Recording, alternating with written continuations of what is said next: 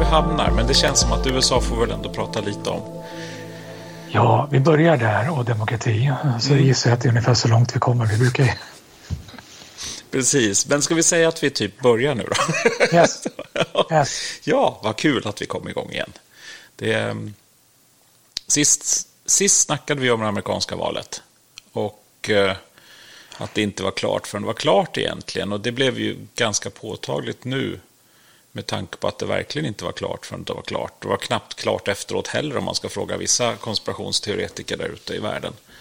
Så att... Eh, Nej, jag kan väl inte säga att jag är glad för att vi hade rätt, eller snarare förskräckt över att det verkligen blev inte klart förrän den tjocka damen sjunger, som det brukade heta. Jag hade nog inte föreställt mig eh, stormningen och snudd på folkrevolutionen eller åtminstone sektrevolutionen eller vilka det nu var som revolterade. Det kommer väl också fortsätta diskuteras ganska länge. Men det visade ju på precis det vi sa, att systemet är riggat så det är verkligen inte avgjort förrän bokstavligt talat den nya presidenten svärs in, om ens då. Mm. Precis, men det var en sak som slog mig, för det var ju väldigt mycket snack om att han skulle skriva liksom en pardon för sig själv och sin advokat och hans familj och säkert om han hade haft en hund också. Men det blev inget sånt och där det som, det som slog mig där var att han nog kör mer på någon form av street smart reaktivitet än planer. Eh, så att liksom, den öppningen kom inte och då blev det liksom inte. Eh, snarare än att han liksom har en massa så djupa strategier för hur han ska liksom jobba framåt. Utan det, det här är liksom en street fighter som råkade hamna där han hamnade på något sätt. Liksom. Fast kanske inte fysiskt, för det ska vi, ska vi inte prata om så mycket, men en mental, affärsmässig streetfighter helt enkelt. Ja, men liksom det är väl någonting som har följt ända sedan hans kampanj från början, att bara följa siffrorna mm. och, och, se var finns det sifferluckor om man säger så för ett budskap, för en positionering och så låta det styra helt opportunistiskt. Jag menar, det är ju liksom den, den, fundamentala definitionen av opportunism att ta alla tillfällen om och när de dyker upp, vilka de än är. Mm. Ja, men precis, precis. Och det blev ju också påtagligt även vid slutet. Liksom, att, menar, det, eh, det var inte en massa djupa... Sen har ju säkert eh, många i omgivningen också kunnat utnyttja den här öppningen som en opportunist faktiskt skapar. Och det där kommer nog bli väldigt stökigt under en lång, lång period. Liksom alla skumma situationer som säkert har skett när det bara har handlat om en väldigt kort attention span och jag, jag lyssnade på hans jag lyssnade på eh, säkerhetsrådgivarens bok, eller läste den rättare sagt. Eh, Eh, just problemet att kunna hålla fokuset uppe kring långt som Iran, Nordkorea och lite andra saker. För det kunde helt plötsligt bara komma något annat som blev jätteviktigt för den sekunden. Och då, då gick det liksom inte att hålla en röd tråd framåt. Och, men det går ju säkert att utnyttja också. Sticker något under näsan för någon som helt plötsligt bara ska reagera så kan det hända rätt mycket på ett globalt perspektiv. Som, som blir väldigt oförutsägbart för omvärlden. Men hade man varit i rummet hade man antagligen begripit precis vad som hände. Ja, för att för ett eh, kort ögonblick eh, leka filmkrönikan så tycker jag det kan vara eh, toppenläge att eh, rekommendera alla lyssnare som ännu inte har sett den gamla fantastiska filmen Wag the Tail. Kommer du ihåg den? Just ja men precis. Jag begrep aldrig den när jag såg den förr, men jag kanske skulle begripa den nu när jag är lite äldre och mognare. Så kanske funkar bättre på mig nu. Ja, men jag tror att vi kanske i, i vår del av världen, eller Sverige för att vara exaktare, inte var riktigt varse hur det amerikanska systemet fungerar och som vi ju till stor del har importerat också nu. Mm. Om att eh, styra agendan med hjälp av information, rikta uppmärksamhet kors och tvärs och så vidare. Det drog ju verkligen Trump till sin spets nu, kan man ju lugnt säga. Men, ja, men precis, precis. Och sen, men sen ska vi heller inte glömma, för nu verkar det finnas någon liten, i alla fall kanske ur ett svenskt perspektiv, en liten lättnad och nu kommer allting bli bra. Liksom, och man går tillbaka till Parisavtalet och så vidare. Men, men, men de underliggande krafterna är fortfarande kvar där. Alltså det, den, den den lucka som Trump utnyttjade och gjorde att han faktiskt råkade bli vald till president finns ju fortfarande kvar. Och den eftertänksamheten kommer ju vara väldigt, väldigt viktig framåt.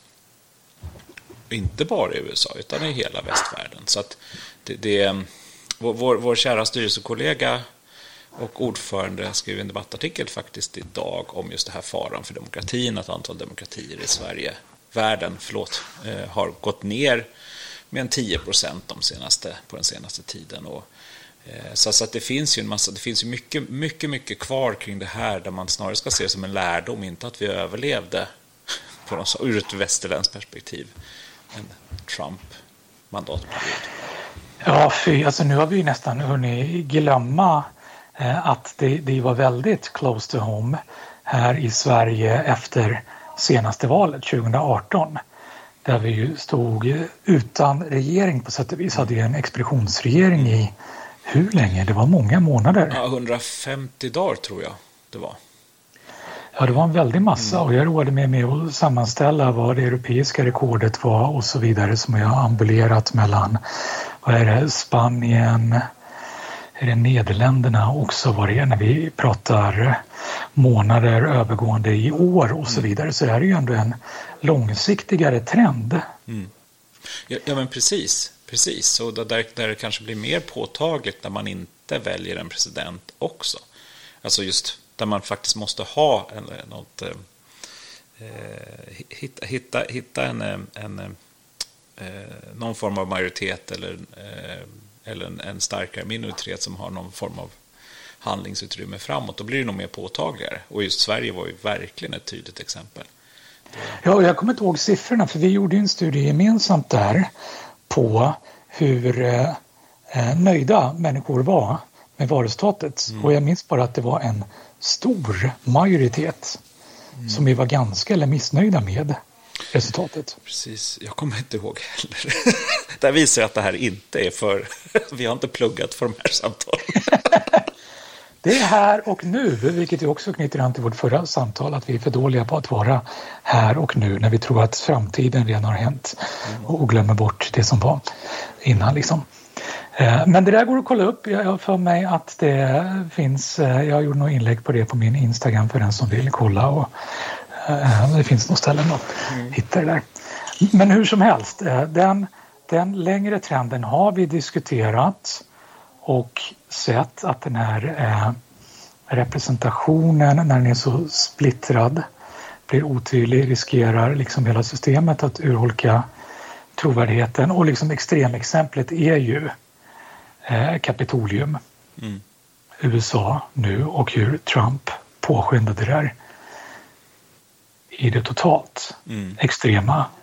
Och det smittar ju definitivt över på oss i Sverige och andra länder också. Mm. Nej, nej, men det gör, det gör ju det och, och, jag tror heller inte vi kanske förstår här riktigt hur, hur skrämmande bilderna kring Kapitolium faktiskt var för en amerikan. Att det är liksom... Visst, det såg lite spännande ut på tv i vår värld, men alltså det var ju som att man skulle liksom ha invaderat riksdagshuset här. Liksom att, mm. eh, och det, det tror jag slår an en, en, någonting djupare i liksom nationalsjälen för en amerikan också, som inte vi riktigt kan begripa heller fullt ut. Utan det blir mer som en Hollywoodfilm i vår värld, tror jag. Ja, och det där var vi inne på. De har ju ett förtroende för sitt system som är unikt och ganska märkligt föråldrat. Så, där måste vi skaka det ordentligt. Eh, och, och verkligen, som du säger och som eh, den gode John Sherman säger, eh, vi, vi, står ju inför en förtroendekris vad gäller demokratin och en, en därmed en demokratikris, för en förtroendekris mm. är ju en demokratikris. Mm, eh, både i förtroendet för systemet och processen men också informationen som ju Trump visade känsligheten för i sin opportunism att bara formulera informationen efter de bästa feedbacksiffrorna som mm. kommer i delningar, spridningar mm. och så vidare. Vilket för mig in på frågan hur ska du rädda demokratin? För det ska ju du göra, eller hur? Du har ju fått det uppdraget. Ja, men precis. Eh, det är faktiskt inte riktigt spikat än, men det är ju bara att de ska ta det officiella beslutet. Men, jag är ju med i ganska många olika internationella organisationer, både kring undersökningar men också faktiskt kring, kring de politiska konsulter konsulters arbete. Nu är ju inte jag en politisk konsult, men, men jag får vara med ändå. Det börjar egentligen att vara extremt bra eftervalsanalyser som skedde i den gruppen. För då, det här pratar vi ju då om riktiga spindoktor som faktiskt jobbar med partier och kampanjer. Och USA är ju bäst på det där, så att när man att kunna få lyssna på eh, båda eh, presidentkandidaternas eh, eh, kampanjstrateger tre dagar efter valet. Det var ju helt fantastiskt alltså. Både efter Obama och, och även nu efter, efter Trump har ju samma sak. Och, men, men i den här vevan så blev ju då väldigt många av de här strategerna faktiskt chockade. Jag har ju föreläst för, för, för de här, för något år sedan var jag och föreläste eh, ur en temadag som heter Demokratin under, under eller Democracy under pressure. Det eh, är svårt att översätta direkt. Men Eh, där jag då lyfte upp det här liksom problemet och, och liksom orsak och verkan mellan media och politiken som snarare speglar varandra mer än väljarna. Så väljarna eller medborgarna försvinner ganska mycket i den här processen och hur det då utnyttjas och hur det då också underminerar tilltron. Så, och nu efter, efter Kapitolium så blev väldigt många chockade och framförallt då i den europeiska gruppen som jag också är med i Eh, och kände att nu måste vi börja göra någonting konkret. Och i den vevan så fick jag frågan att hålla i eh, Chapter for Democracy tror jag de kallar det. Och det är inte som sagt inte hundra spikat men jag vet vilka det kommer bli och det är bara att de ska skriva, alltså säga officiellt till styrelsen att vi kör på det här. Eh, men där syftet är faktiskt att fokusera på de politiska konsulternas roll i en demokrati och vilket ansvar man faktiskt har. Eh, för att det är härifrån de, den negativa kampanjen kommer egentligen. Det, är ju, det har ju varit, man jobbar, utnyttjar det parlamentariska nollsummespelet. Att får jag motståndaren att bli svagare, då kommer jag ju på ett eller annat sätt faktiskt att vinna. Även om tilltron till demokratin faktiskt får stryka på foten. Eh, och den där typen av diskussioner, jag hoppas att vi kan komma fram till en ganska bra checklista eller någon form av liten etiskt ramverk kring det här som faktiskt utgår från, från existensberättigandet för politiker och politiska konsulter är ju att man har en tilltro till det demokratiska systemet. Mm. Och underminerar det så kommer det ju faktiskt att sabba din egen framtid.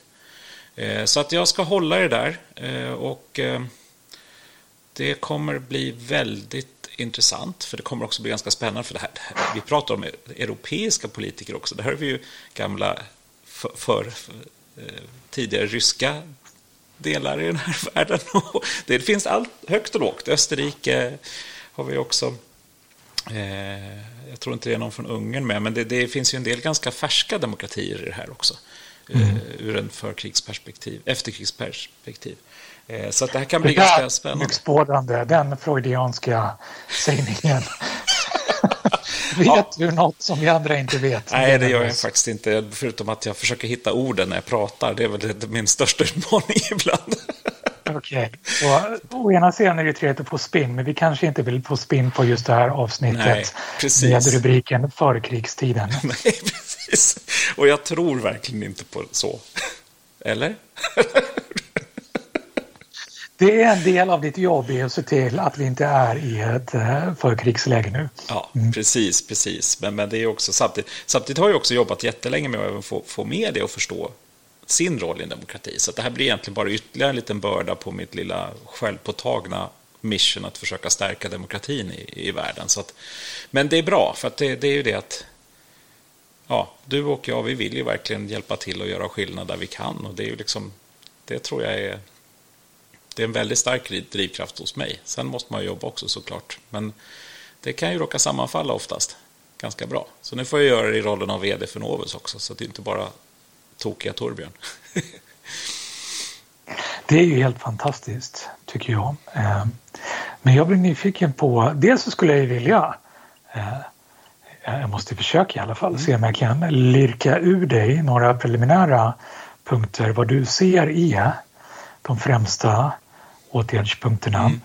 För att stärka demokratin och minska dess sårbarhet. Och sen eh, är jag också nyfiken på hur du ser på eh, demokratin. Är det framför allt en institutionsfråga mm. och förtroendet för institutionerna? Är det en aktörsfråga, det vill säga politikerna själva och eh, vad de ska få för utrymme, mandat, eh, restriktioner och så vidare. Eller en, jag vet inte vad jag ska kalla det för, en informations eller medborgarfråga, mm. alltså ja, förståelsen för definitionen av information i sig självt. Liksom. Mm. Det är inte det sistnämnda. Det, det är jag helt säker på. Jag, jag har liksom landat i det här att problemet är, kan aldrig egentligen vara väljarna. Det kan inte vara så att vi ska tryckas ner information i halsen och begripa hur viktigt det är med demokrati, utan det är, det är ju snarare en ja, kanske ännu mer en aktörsfråga i och med det att man faktiskt som förtroendevald måste åtnjuta väljarnas förtroende och förvalta det förtroendet.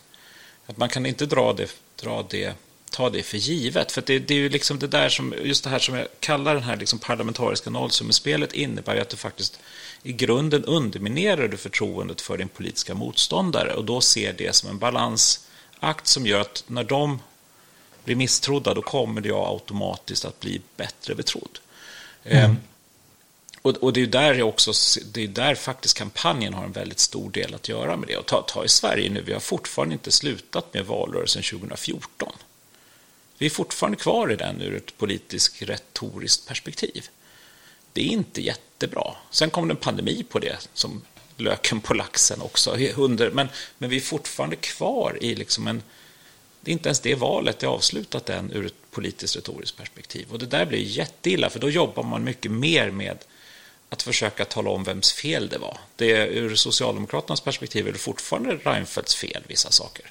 Och, och även ur så självklart åt andra hållet också, att Moderaterna skyller en hel del på liksom Socialdemokraterna. Snarare än att kanske jobba framåt så, så gäller det bara att visa att man inte minsann är lika dålig som sin motståndare. Och Just det. Det där, det där är det absolut största problemet, för det, för, det, för det tar ju också bort tilltron till den stabila demokratin, eller framförallt det, det stabila samhället vi ändå har. Det kom ju, den här domedagsprofetian kom ju lite på sin skam på grund eller tack vare corona de första halvåret. För jorden gick inte under och Sverige gick inte under trots att vi hade en global pandemi.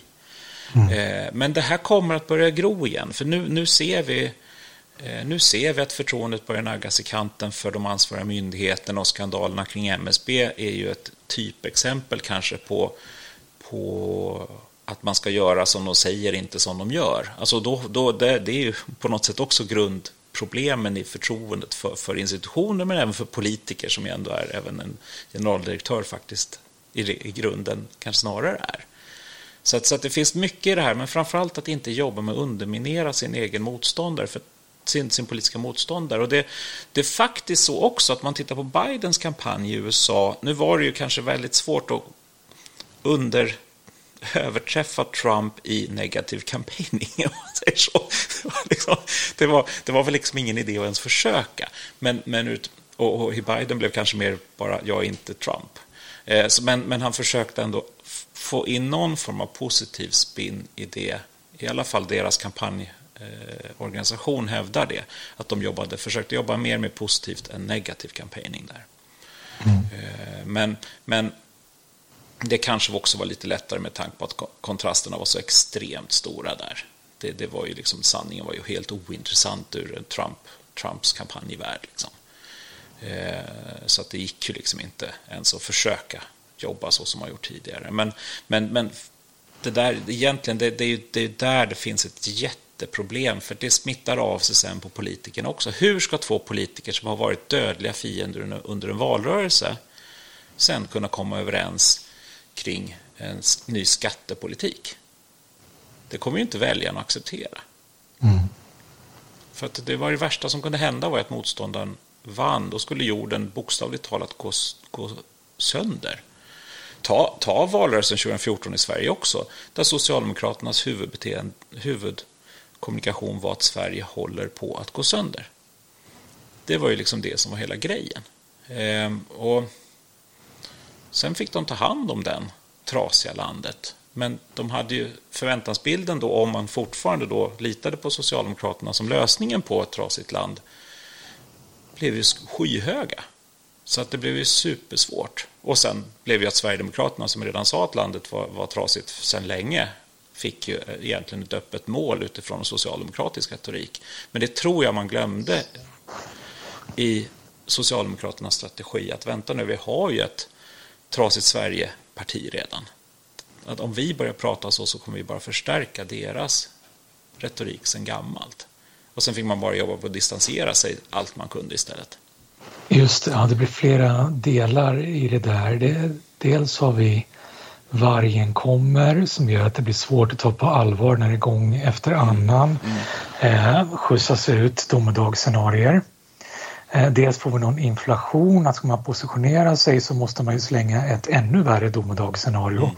tillbaka mm. som gör att det blir svartare, svartare, mm. större och större utropstecken och så vidare. Eh, och så det tredje, och det där har vi också varit inne på även vad gäller ekonomiska nyheter och så att eh, ju mera vi ser i kommunikation och medier och så vidare som medborgare eh, mm. desto mera tar vi till oss eh, valensen, tonläget snarare än fakta i sig. Mm. Det är illa och får vi bara höra från varsina håll politiker som säger att den andra är dålig så är risken att vi mera hör det är dåligt mm. på alla mm. sidor och i alla läger snarare än exakt vad som är dåligt. Mm. För det fixar vi inte längre än så. Nej. Nej, ta till oss. Precis, precis. Och det är, det är svårt att vara ledare att det är svårt att lita på en ledare vars huvudbudskap bara är att motståndaren är värre än en själv. Mm. Det, det, det, det, blir inte ett positivt ledarskap i alla fall. Det, finns inga... Och där kommer väl egentligen kanske tillbaka till, till... Alltså vi har ju så fruktansvärt bra i väst, väst nu. Alltså vi behöver inte oroa oss för att dö, vi behöver inte oroa oss för att inte få mat. Alltså alla de här grundläggande basala kraven vi har. Och vilket, om man tar socialdemokrati eller arbetarrörelsens tidigare kamp, var ju faktiskt ganska grundläggande basala rättigheter man kämpade för. Mm. Men de har man ju redan uppnått och man har redan vunnit. Så nu, nu är väl kanske det att man måste bygga en ny vision av framtiden som fyller något hål vi faktiskt har, men som man inte pratar om, men som egentligen jag tror du har tänkt mest på just nu. Alltså meningen med livet, lyckan, framtiden. Som faktiskt skulle fylla, alltså det är ju snarare det man måste börja prata om nu. För, för att det handlar ju inte längre om vår överlevnad, men det här är inte politiken klarat av. Vad sägs om den övergången? du, det var en segway som heter duga, vill jag lova. Ja, det där är ju spännande att politiken och återigen Trump ett extremt tydligt tecken i tiden på det blivit eh, väldigt så realtidsmässig tillsammans med det vi pratade om att det behöver göras akut, reagera här och nu och skrika högre och, och det gör i värsta fall då eh, att, att politiker och förstärkta av andra aktörer också då skapar problem. Eh, eh eller åtminstone försöker skapa problem som de ska ha lösningen för, som liksom är högintensiva här och nu. Men som du säger, i grunden kanske inte är det vi behöver att brottas med. Och andra saker, likt att gå tillbaka till arbetarrörelsen och välfärd och sånt som idag kan handla om en livsbalans och meningsfullhet för många och så. Det blir liksom aldrig akut i stunden och får inte de här stora utropstecknen efter sig. Mm. Att det någonsin fångas upp. Det, det suboptimeras, att det får ställas lite på vänt ett tag till, ett tag till, ett tag till, ett tag till. Tills vi liksom hamnar i det här läget som det pratas mycket om nu med folk som är, är stressade, utbrända för att de har för mycket att göra eller för lite att göra eh, eller vad det nu är för mm. någonting. Psykiska välmåendet och det där som det ju pratades mycket om innan coronan och även nu i coronan också. faktiskt. Ja, men precis. Men samtidigt finns det ju inga konkreta lösningar på det som skulle differentiera de olika partierna. Alltså visst, det finns ju saker man skulle kunna göra, men det är väldigt svårt att säga att ja, men det, det här skiljer en moderat vision av ett framtida samhälle jämfört med en socialdemokratisk vision. Utan där försöker man ju återigen visa på, på krockar som är historiska konfliktytor man har haft som egentligen inte riktigt stämmer med dagens Sverige. Utan du kan använda USA som ett exempel kanske i den svenska debatten eller hitta något annat land som passar. Ehm, men, men inte Sverige. Och det ser en hel del väljare, men det blir också en, en, en, en, en ökad uppgivenhet kring liksom syftet med demokratin som sådant, om den inte ens löser våra vardagsproblem. Det, ja, det kan bli något om plastpåsar och bensinskatt och sådär, men, men, men i grunden finns det inga stora förändringar eller eh, skillnader i, i de stora partiernas visioner, alltså de traditionellt etablerade stora partiernas visioner av framtiden. Det, mm. det i sig är ju en eh, stor eh, fråga att ta i. Behövs det då mm. så många partier överhuvudtaget? Det är ju lite det en börjar undra över med tanke på expeditionsregeringar och sätta rekord i eh, tied lägen, nu vet jag inte den svenska översättningen för. Eh, oavgjorda, icke ja, avgjorda parlamentariska lägen mm. och så vidare. Ja men, ja men, precis, men samtidigt kan man ju då också fråga vad skulle vara alternativet? Det som snarare förväntas... Alltså, I min värld så tror jag snarare problemet är kravställningen i det offentliga rummet. Den, den, den försvinner väldigt eller nästan alltid egentligen, vilket gör att du kan säga en sak men du behöver inte hållas ansvarig för det egentligen. Du kan göra en sak men du kommer i praktiken inte hållas ansvarig för det. Om det inte är någonting du själv har slarvat med, typ kvitton eller något liknande. Alltså på din, din personliga handel och vandel, den kan vara sårbar. Men om ett parti gör någonting som faktiskt sitter i en regeringsställning, det kommer aldrig, det ses som en del i ett politiskt spel, det handlar inte om verkligheten.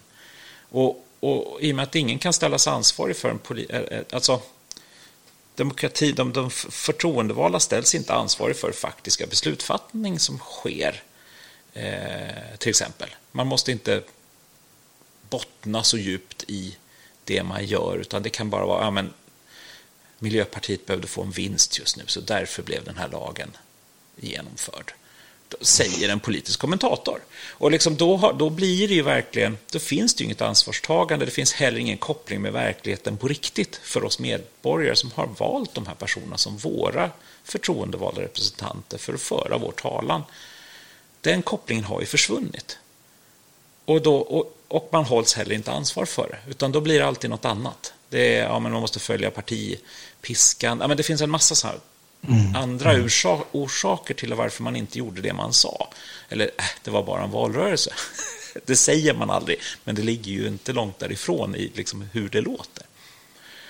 Vad tror du om det här då? Eh, nu får jag två. Jag älskar ju radikala förslag som du vet. Precis. Det är så skönt att bara få slänga ur sig när vi brainstormar så ja. utan något ansvar för hur det skulle implementeras. Men vi, vi, har ju i Sverige har vi till exempel konstitutionsutskott och vi har en riksrevisor mm.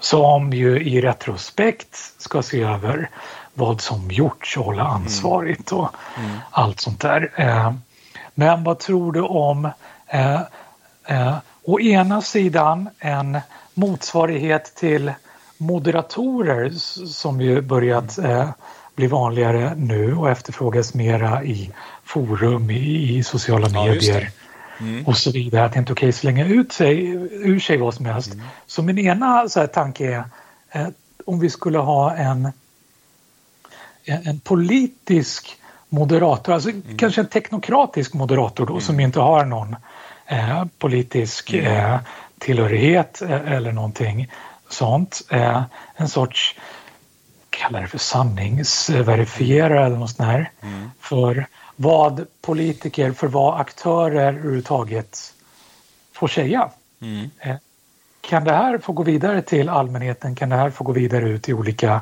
kanaler och så vidare utifrån eh, att informationen, argumenten verifieras, mm. att de håller eh, så att det inte kan bli fake news. Eh, mm. Det tycker jag vore en mm. spännande Just det. Men frågan är vem som skulle vara det då? Som, som skulle kunna visa sig vara helt untouchable på, på alla känslomässiga och politiska plan. GV kanske? Ja, men han, honom har ju folk förtroende i precis alla Exakt. sammanhang. Precis, till och med media. Det är ju där, det är därför det funkar. Du han kanske? Du och GV. Där, nu snackar vi. Ja, men det skulle ju du kunna göra, eller hur? Du ja, jag kommer vara med då på ett litet hörn. Ja, inte ensam, då måste du vara med också. Annars kommer det bli fel. Ja. Men jag tycker, jag tycker tanken är spännande. Mm. Att, eller om det liksom sammanställdes någon eh, fantastisk kunskapsbank som det bara går att studsa det där mot mm. och variera mm. omedelbart. Stämmer det här med det där du har varit inne på förr och igen nu som har blivit en käpphäst att faktiskt veta nuläget. Vi är så bra på mm. att föreställa oss framtiden och kanske kolla upp historiska fakta men att veta hur det ser ut exakt just nu. Vad är grunderna för det här? Mm. Vad är förutsättningarna? Det tycker jag vore spännande mm. att skapa något sånt. Ja, men, jag säger inte att det är lätt, men ingenting nej. som är värt något är lätt. Nej, nej men exakt. Och, och, och, och, eh, behovet av det är faktiskt mycket, mycket större nu än tidigare på grund av att den granskande rollen utifrån, alltså journalistikens kärna att faktiskt granska makten, har ju minimerats till att bara räkna kvitton. Vilket gör att den faktiska granskningen kring de stora strategiska, och man fokar på konflikter. Det, jag är fortfarande förvånad hur hur vi i Sverige utan någon, vad jag minns, en debatt kunde gå från att vara ett, ett, ett land som försvaras till att vara ett aktivt krigande land i till exempel Afghanistan.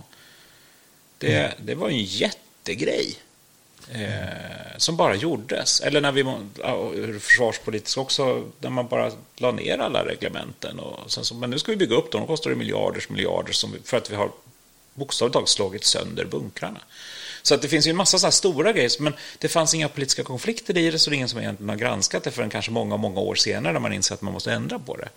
Men, och det är ju egentligen i en demokratisk samhälle journalistikens existensberättigande. Det är därför man har två grundlagar som grund för sin affär.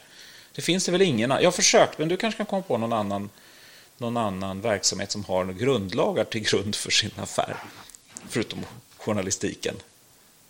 Nej, jag kan inte komma Nej, på det är jävla bra. Det är ganska, I wish. Ja, men ganska stark position, eller hur? Ja, det kan man lugnt säga. Inte bara the law, utan the grundlaw. men, men jag kom på en annan sak apropå det här, just det här med att man ska vara teknokratisk. Man skulle kunna tänka sig med amerikanska domstolsväsendet också. Vad sägs om man faktiskt tar in en jury? en slumpmässig jury kring alla beslut. Eller undersökning. Vi kommer ju i landet att man måste göra undersökning om allting istället. Det, det, vet ju både du och jag, för det är det vi tycker. Men som en mellanväg skulle man ju faktiskt kunna ha på riktigt slumpmässiga folk, folkvalda som får så här regeringsduty istället för jury duty. Sitta med och tycka och sen skriva under det sista, ja eller nej. Ja, men jag gillar det. Ja. Det, det är en väldigt spännande tanke. Det går ju också tillbaka till det vi pratade om att att hela valprocessen skulle kunna bli mer representativ på det mm. sättet. Men sen i pågående parlamentarismen, jag tycker det är en jättespännande tanke. Mm. Jag vet inte exakt hur vi skulle utforma det, men ja, jag ja. tror definitivt det finns något där. Ja, så får man straffet att behöva sitta i, regeringen eller riksdagen i en vecka. Det, liksom, det blir lite som så här eh, att man var tvungen att göra militärtjänstgöringen, lumpen. Och så liksom, nej, jag fick regeringsduty. ja, det var lite roligt faktiskt. Ja, och jurytjänstgöring. Jag tror ja. verkligen för att på riktigt bli eh, delaktig i mm. demokratin mm. och veta att när som helst så kan det vara jag som måste kliva upp och ja. ta avgörandet. Ja, jag gillar det. Och en konstant påminnelse för politikerna också. För då sitter faktiskt riktiga väljare som har valt dem och sen kommer komma med sista avgörandet om det här verkade vettigt eller inte. Mm, det är jättespännande, verkligen. Vad tror du om det här då? Jag har en grej till. Nu bara öser vi ur oss här. Eh, eh, apropå senaste Nobelpriset, ekonomipriset i, eh, till Nobels minne, bla bla bla, eh, som ju handlade om aktionsteori. Mm. En av anledningarna till att eh, min favorit Paul Milgram fick det var ju ett system som eh, hade massa nya smarta eh, delmoment och lösningar. Men en av grejerna var att alla ingående budgivare också eh, behöver förpliktiga sig, binda sig på varje nivå. Man kan inte bara hoppa in och ur där och trissa upp varandra till nivåer som ingen egentligen står för. Mm. Utan om jag ska vara kvar i processen så måste jag också, även om någon annan som höjer budet, så måste jag också, ja, lite som i poker, ja, jag, jag går med liksom till mm. nästa omgång. Mm.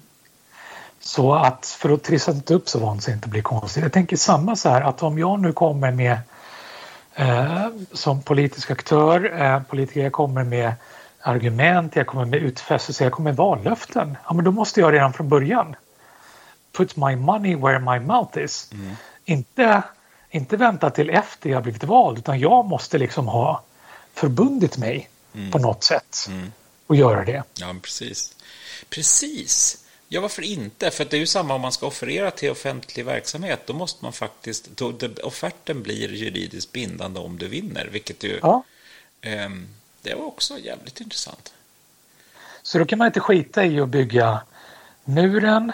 Eh, inte för att man kanske inte egentligen ville det från början, man kanske till och med ville det. Mm. Men man kan inte heller göra det för att man upptäckte att det kostade mer än man trodde. Ja, då blir man ju tvungen att kolla upp det.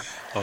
Eller för att det inte såg ut mm. som det gjorde. Det fanns redan en mur mm. eller bla bla bla. Ja. Sånt där som också visar sig på fake news. Vi ska minska vad vi nu ska minska. Vi ska minska kriminaliteten mm. med eh, x antal bla bla bla. Mm. Och så visar det sig att ja, men det går inte att minska med x antal för det var inte så där många från början mm. som vi påstod. Mm. Liksom måste vi ha mera på fötterna i alla avseenden redan från början. Ja, ja men precis.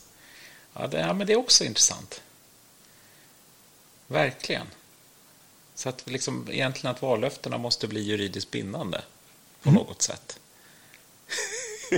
det är spännande. Och kanske rent av verifierade redan från början. Inom ja. akademin så har det ju blivit vanligare och vanligare. Vi har ju nästan ett motsvarande läge. Vi har ju en konkurrens om att publicera så mycket som möjligt i de tyngsta vetenskapliga tidskrifterna. Just det. För, för, det påverkar vår ranking bland forskarna globalt och det påverkar vilka resurser vi får till vår forskning, vilken möjlighet vi har att få anställning på de tyngsta institutionerna. Mm. Ja.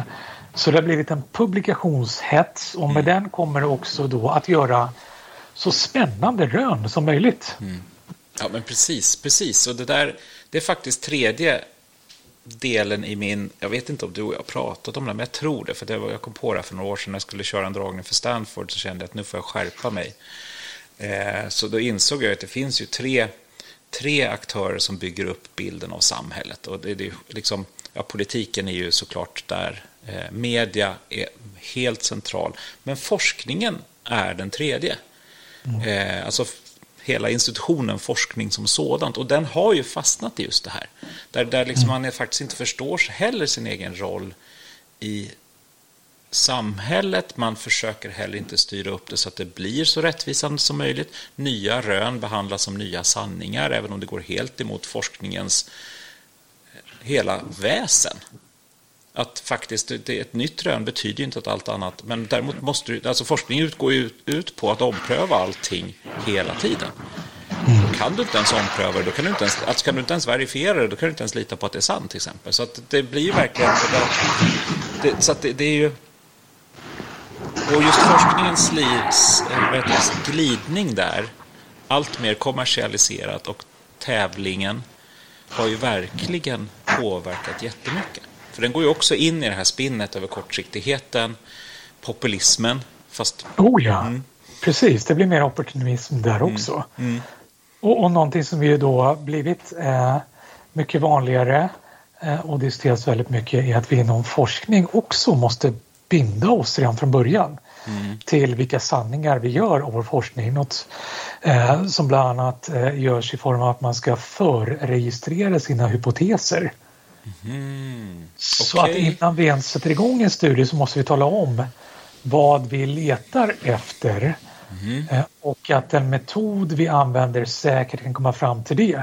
Sen kan vi inte efterhand eh, börja vrida och vända på och hitta andra saker än vi från början letade efter. Därför att vi som forskare behöver hitta något varje gång vi gör något för att kunna hålla oss uppe i rankingen. Ja, okej. Okay.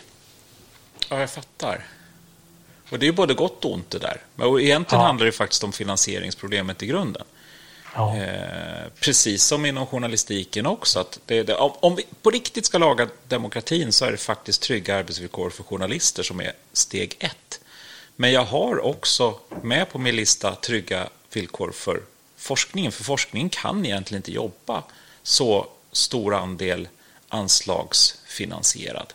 För det fungerar ju egentligen. Det blir inte, det blir inte hållbart. Utan det blir den här publiceringstävlingen som ju faktiskt skadar den intellektuella utvecklingen för hela världen egentligen ju.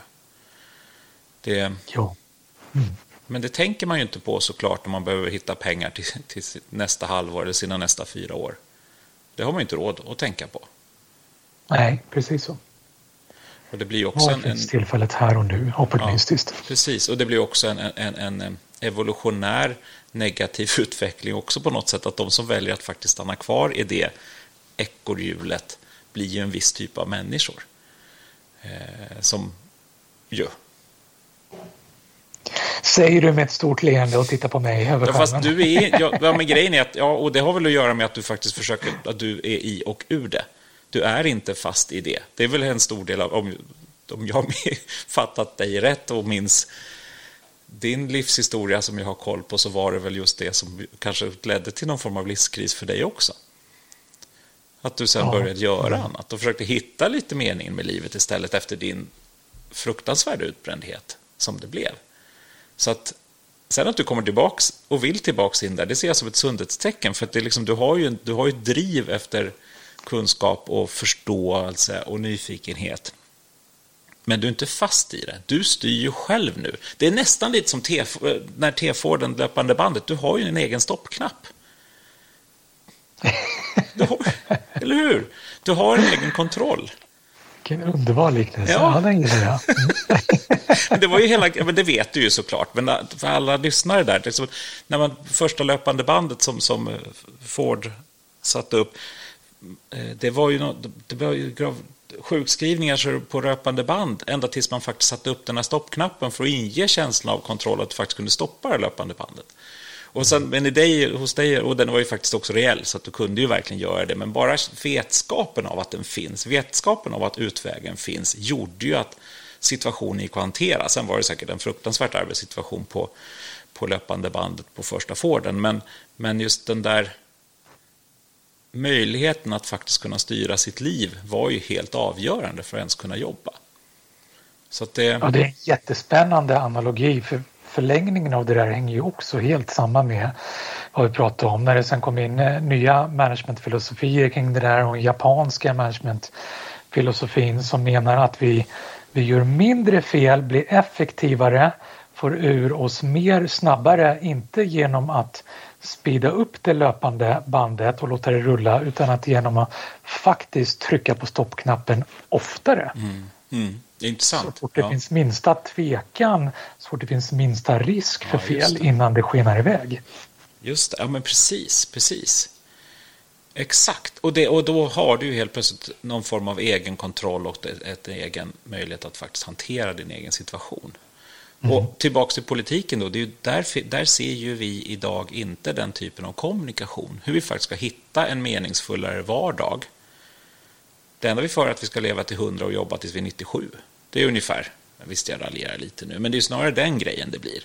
Och att du absolut inte kommer veta vad du ska göra imorgon, men något måste du göra, annars sköter du inte dig. Liksom. Men inte det att vi, vi, vi, skapar en ökad flexibilitet på arbetsmarknaden, då, som egentligen man kanske skulle göra. Om man säger A måste man ju börja fundera på B också. Om man säger att alla ska omskola sig, ja, men då måste man ju faktiskt också göra det lättare att faktiskt kunna ha, byta jobb. Bra poäng. Mm. Vet du, det här är ju så, så eh, smaskiga grejer. Det du är inne på. Eh, nya tillvaron med att vi lever längre och så vidare. Nya sätt att arbeta och leva. Och det här är ju Novus eh, i högsta grad inblandat i hur vi förändrat våra eh, mönster i arbete och tillvaron nu under coronan. Eh, och eh, det var någon som skrev, har jag hört, en bok om eh, meningen med livet och att känna ja, mening i livet. Ganska nyligen. Kan vi inte ja. bestämma här och nu att vi ägnar hela nästa avsnitt mm. åt de här frågorna? Mm, det tycker jag. Absolut, det blir en perfekt övergång till det. Och vi har hållit på i typ 45 minuter nu så att det är säkert lagom långt också.